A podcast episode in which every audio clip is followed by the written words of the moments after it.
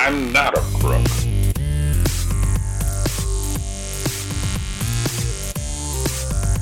But because they are.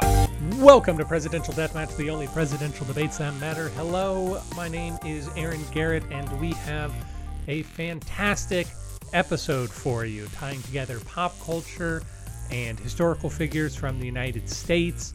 Uh, it, it's it's already being called the episode they don't want you to hear. Who are they? I don't know. I'm not in charge of it. It's got everything. It's got old friends having a good old time. It has 90s nostalgia. It has Dennis. Really, what more could you ask for? Uh, the the only thing that it didn't have was a functioning internet connection while it was being recorded, and that has led to some technical difficulties in the editing, which means that the episode, the very exciting episode on Zordon that we had planned to bring to you today, will no longer be happening, and instead you'll listen to me talk about uh, about a thing about a thing. You're going to hear me talk about picking one's opponent. You're going to hear me talk about a man named Thomas Pinckney. Who is he? You'll know by the end of the episode. Let's hope, if, if I've done my job correctly. And then next week, you will hopefully hear the Zordon episode that we had planned. Here is the other thing, though, and this is a good time to talk to y'all about it. So, both Dennis and I are going through some life changes at the moment. Nothing awful. I mean, some of it is is less than ideal, uh, but nothing permanent for sure. But what it means is that our schedule is going to be a little bit wonky over the next couple of weeks. Next week, you'll get your Zordon episode. You're going to love it. The week after that, it's going to be a solo Dennis episode. I know I'm looking forward to seeing what that guy puts together.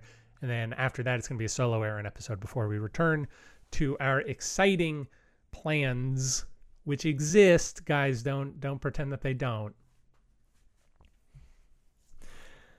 Today, we are talking about uh, something a little different. We're talking about moderation in our system. We're talking about silencing phones before recording begins. And it's all going to start right now. In case you don't know, our federal appeals system works like this. Case goes to a circuit court. That circuit court is based on your geographic location. Where are you in the United States, or rather, where is the case being handled in the United States? Because where you are and where your case is can be very different from time to time. Then that case is heard by a random panel of three judges that sit on that circuit court. And what the majority of those judges decide is the new outcome for the appeal.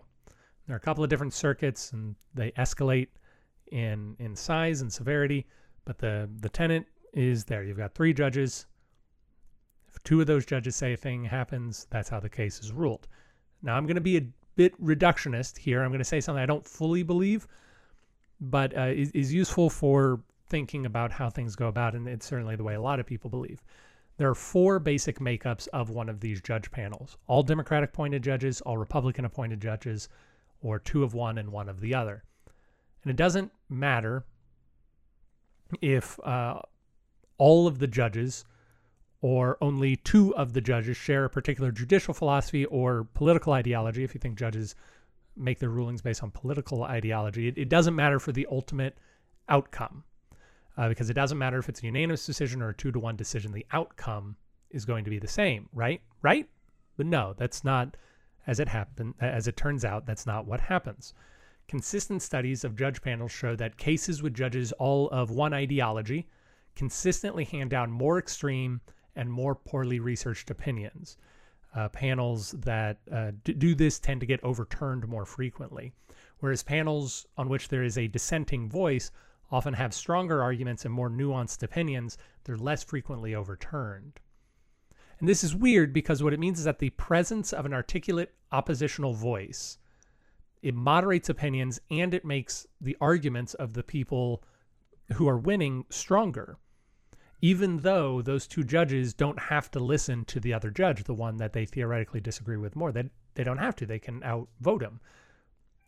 But there is uh, there's an importance, it seems, in a healthy opposition of having a dissenting voice, of having different mindsets in the room, of I might go be uh, be a little crazy to say there's value in diversity. Politicians don't really care about any of that though having to think about the other team's wishes is an annoying speed bump on the way to whatever their policy goals are to begin with. And so, what we do in the uh, wacky world of politics is we face some disingenuous skullduggery that looks to discredit or minimize reasonable oppositional voices. So you can see this with the Republicans branding anything Democrats want as socialist, or uh, or if a Democrat brings up some element of our society that they want to reform, uh, a lot of times conservatives and Republicans will will accuse them of hating America.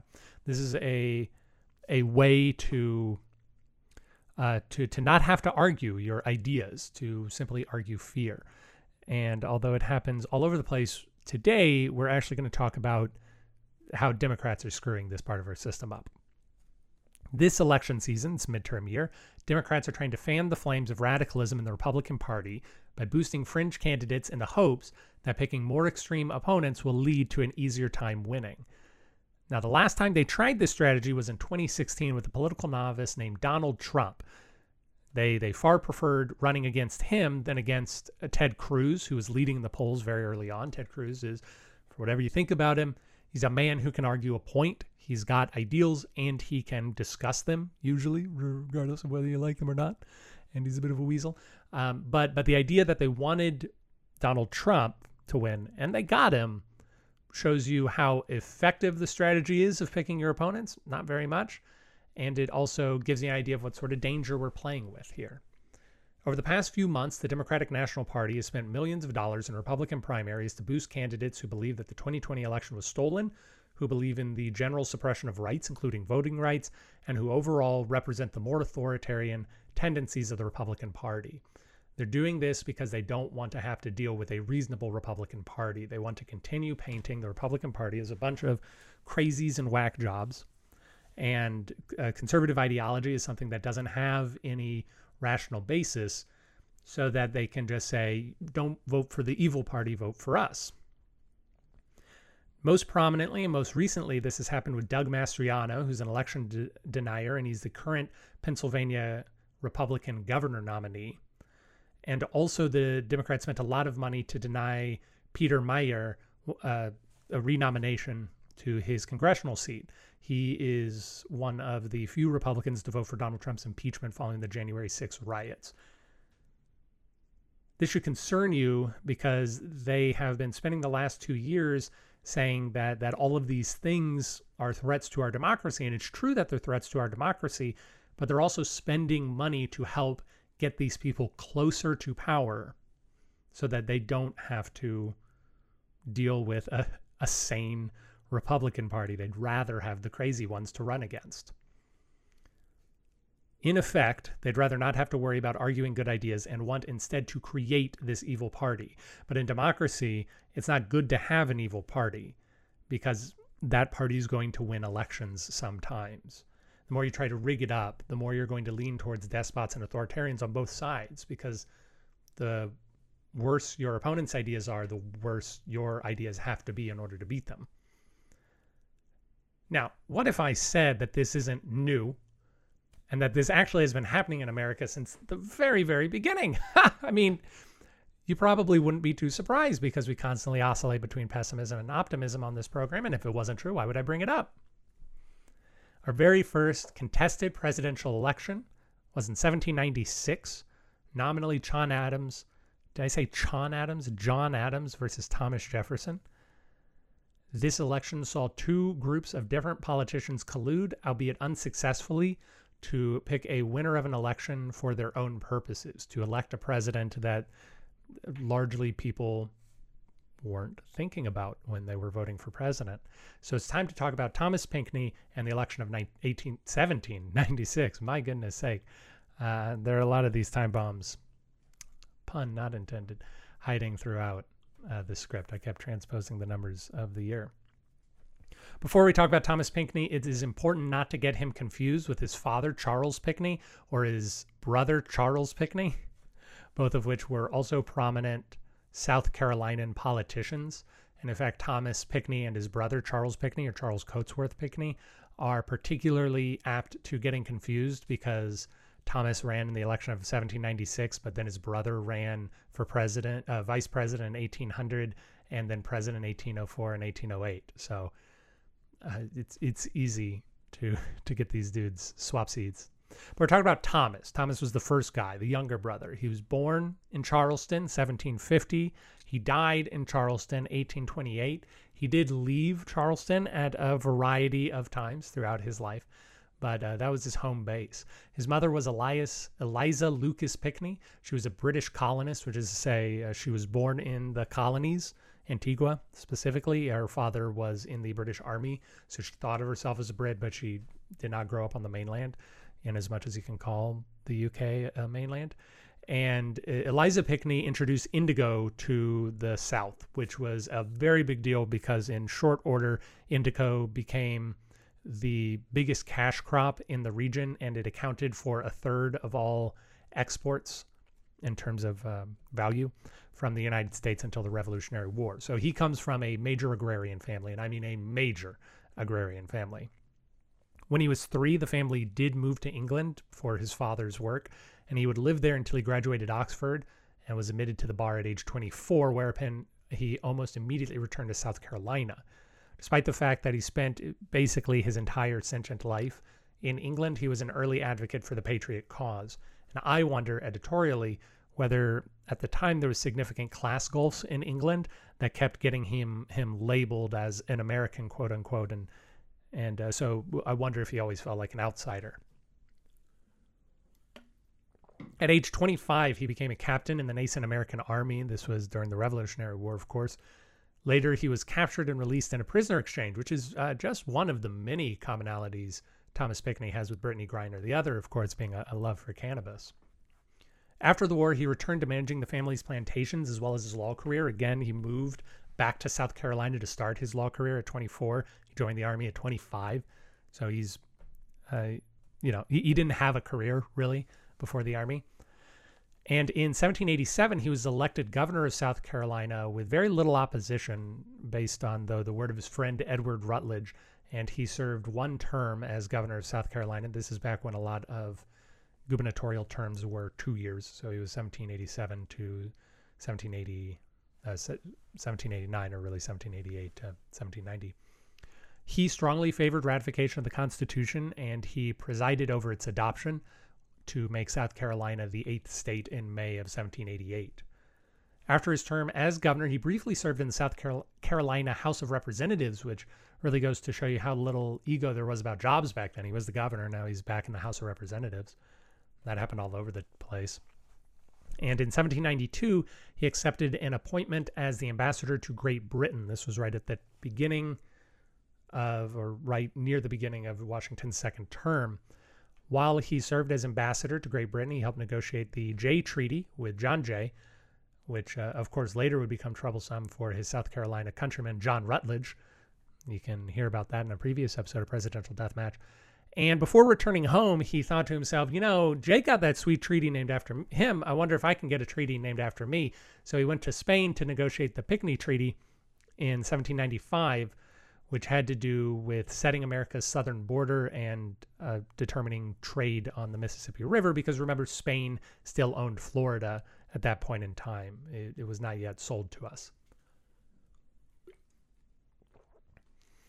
Now, before we talk about the election of 1796, let's do a brief refresher on uh, a couple of things. Uh, among them, the value of not being in the room, factionalism, and how the founding fathers saw representative democracy. Number one, not being in the room in politics, right? If you can get a win, do it. But it's often safer to just not make mistakes. You know, it's why Congress is so dysfunctional. They don't want to make a mistake that someone can punish them for because they are affected much more by things that make people angry than things that make people happy. Most people hold on to that anger more and they, they use it to remember to destroy you. So you can consider James Buchanan, who was likely nominated president largely because he avoided the disastrous Franklin Pierce presidency by being in England at the time, not unlike Thomas Pinckney. And at this time, the Federalist Party was in an acrimonious battle for control between John Adams and Alexander Hamilton. Pinckney, however, had been away from the country for a lot of Washington's second term. He had not had the time to make enemies or have to choose sides, and that made him attractive to everybody within the Federalist Party. Which brings us to factionalism and the Federalist Party itself, because political parties weren't really a thing before Washington's second term. And although Washington himself was essentially a Federalist in everything but name, uh, most people pretended not to be in a party around him. What this meant was that even though Pinckney was a Federalist, by dint of his ardent support of the Constitution, he wasn't actually associated with the party before 1796 uh, because he he was away. He he didn't have to. He wasn't involved in that correspondence.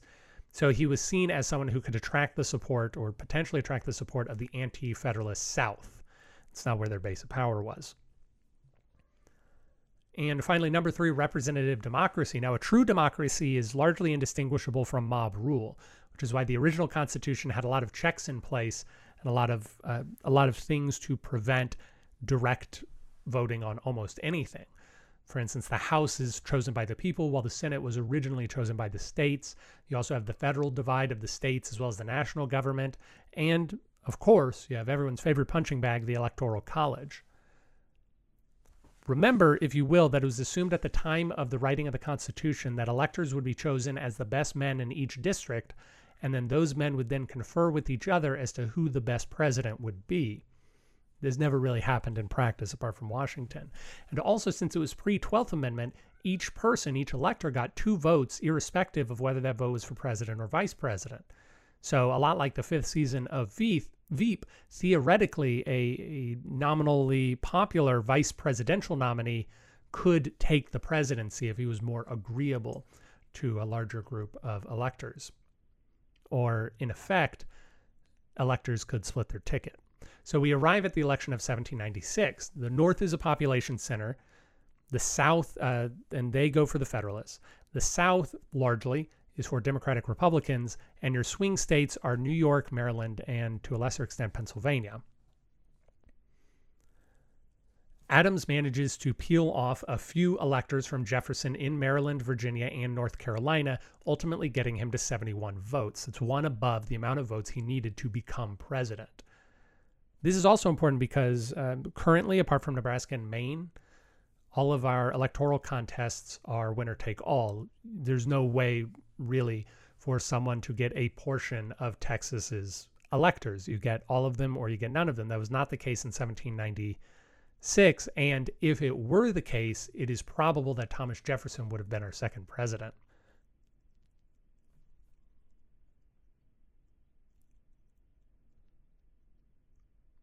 So, Democratic Republican, the election happens. Democratic Republicans see the returns from the North. Remember, there's a month between the election and when electors meet. The election happens in early November, electors meet in early December. And Alexander Hamilton, who hates John Adams, also sees the returns come in. He knows that Adams is probably going to be elected president. So he begins to work in secret, potentially. And uh, some Democratic Republican members in the South also begin talking with each other and they say, hey, what if we didn't vote for Aaron Burr and we instead voted for Thomas Pinckney? If we vote for Thomas Pinckney and Thomas Jefferson, and the guys up north vote for John Adams and Thomas Pinckney, we're going to get Pinckney as president. We think we're going to like him a lot better. Now, this did work in some sense. Pinckney took all of South Carolina's electoral votes, of which Adams did not get any, and he picked up more electors in Pennsylvania than Adams did. But also, the North got wind of this idea, and several electors in Massachusetts, Connecticut, and New York refused to vote for Pinckney, which of course famously leads to Jefferson becoming the vice president. Now, there's no evidence that Pinckney himself encouraged this behavior, and there's also no evidence to to suggest that he was particularly upset at losing the vice presidency, which really isn't a, a surprise since Adams said it was the most, most worthless office man had ever thought to create. Uh, one thing that we do know about Pinckney is in a letter to Thomas Jefferson from many months before the election happens, he does express an interest in farming. And then he goes on to talk about how the farming practices in Spain are very different than the farming practices in South Carolina. And he talks about it for a long, long, long time. And honestly, it seems like the guy just was happy not to be voted vice president so he could go back home and farm. Uh, he was not able to do his uh, Cincinnatus thing very long because in 1797 he was elected to the U.S. House of Representatives, serving two terms until 1801. He was generally a solid supporter of John Adams' policies, specifically the Alien and Sedition Acts, which are the worst. I hate the Alien and Sedition Acts. One of the one of the few John Adams things that I think are just absolute hogwash. In 1798, while a member of the House of Representatives, Thomas Pinckney was appointed as a manager in the very first impeachment trial of our country against uh, Senator William Blount of Tennessee, who conspired with the Spanish to fix land prices. And uh, we're just going to take a real quick side jag to talk about this this impeachment hearing. It's really an interesting precursor to the 2021 impeachment of Donald Trump in that the case for acquittal that they made did not rest on whether the accused did or did not do the thing that he was accused of. I think it was fairly clear what happened in 2021 and in uh, 1798 there really wasn't a whole lot of question about whether Blount did it either. But the what the defense said was that the Senate did not have the jurisdiction to hold impeachment proceedings at all since Blount had resigned from his office and it's possible that impeachment wasn't meant for senators. And and they said, listen, we're not saying he he didn't do it. We're just saying you can't do anything about it. Ultimately, the Senate was swayed by that idea. He was acquitted due to a lack of jurisdiction. And while the question was not settled at the time, importantly for us, the general conclusion uh, over the years has been that impeachment does not extend to senators, which is why, you know, we just have to ask them nicely to resign these days instead. This was not the end of Mr. Pinckney's public service, however. In 1812, at the age of 62, he returned to active service in the military at the request of President James Madison for some some war that was happening in 1812. I don't, I don't really know what it was about, frankly. He did see battle during during this war, this war that took place in 1812 and beyond but he primarily served as an administrator, sort of a quartermaster. That's a bit of a callback, call forward to the Zordon episode in the Southern Theater of War. So uh, we're almost at the end of Mr. Pinckney's life, and I've mentioned a couple of times that he owned plantations, and uh, you know I, I didn't say anything past that, but you can probably safely assume. I imagine you guessed the guy was pro-slavery, and he wasn't even one of those sort of mushy mouthed pro slavery people like Jefferson or Madison who were talking about how much they disliked the practice and ah, I wish I could do something about it, but my hands are tied. He just kind of seemed to think that slavery was the way that the world went. And he saved his biggest show of love for the domestic institution until just a few years before his death. So we're going to dive into that. During the late 1700s and early 1800s, black people were the majority demographic between slave and, and freemen in Charleston. And a free literate black man named Denmark Vesey, who was also a preacher, was accused of conspiracy to incite riot of all of the slaves in Charleston, South Carolina. Due to the magnitude of the planned revolt, Vesey was concerned that somebody would spill the beans. Indeed, somebody did. Two slaves named George Wilson and Joe LaRoche decided to to turn tail and tell some white folk that this was happening. And ultimately, the insurrection didn't happen. Vesey and some of the other conspirators were arrested. Some of them were killed. Some of them were sent out of the country forever. Not great, honestly. But the potential size of this insurrection frightened the Lily Whites in Charleston, and Pinckney, in particular, penned a pamphlet with his thoughts on why this almost happened and how to prevent it again in the future his succinct five points in his own words from this pamphlet. First, the example of Saint Domingo. This is in reference to modern day Haiti, which that, that polity was formed by a violent slave protest, and I believe it used to be called Saint Domingo. Second, the indiscreet zeal in favor of universal liberty expressed by many of our fellow citizens in the states north and east of Maryland, aided by the black population of those states. Why are we assuming that universal freedom is a good idea for everybody. I'm not even sure they're people, honestly. That was not in Thomas Pinckney's own words.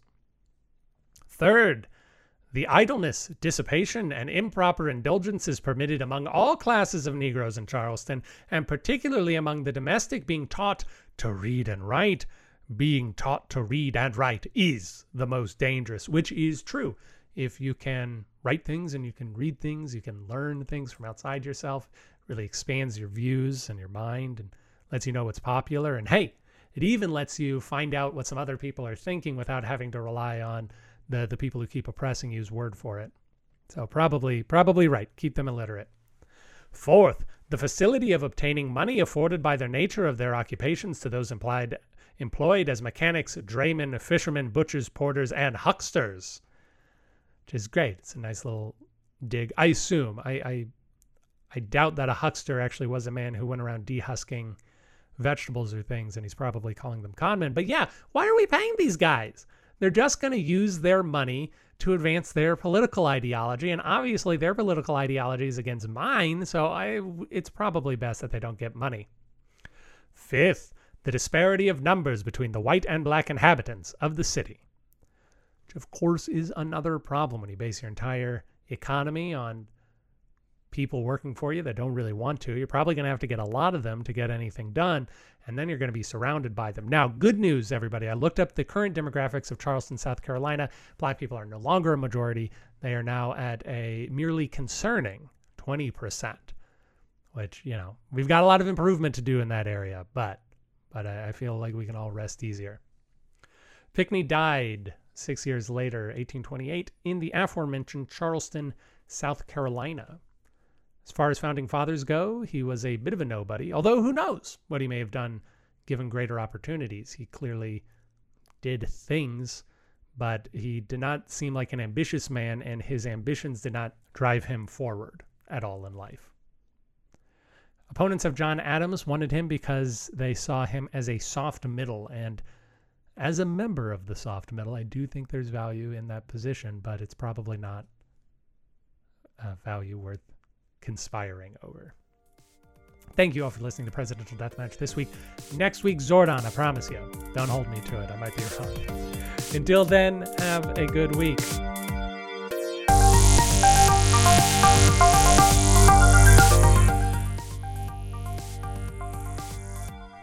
Thank you for listening to Presidential Deathmatch. Presidential Deathmatch is hosted by Aaron Garrett and Dennis Buddy and edited by Aaron Garrett. If you like the show, please consider giving us a review wherever it is. You can do that, we'd really appreciate it. If you didn't like listening to the show, well, why don't you come on back and give us another try? We really grow on you. If you want to reach out to us, you can do that at contact at pronoiatheater.com. You can also support the show in a variety of ways, including at pronoiatheater.com slash store. We hope you enjoyed it, and we hope to hear from you soon.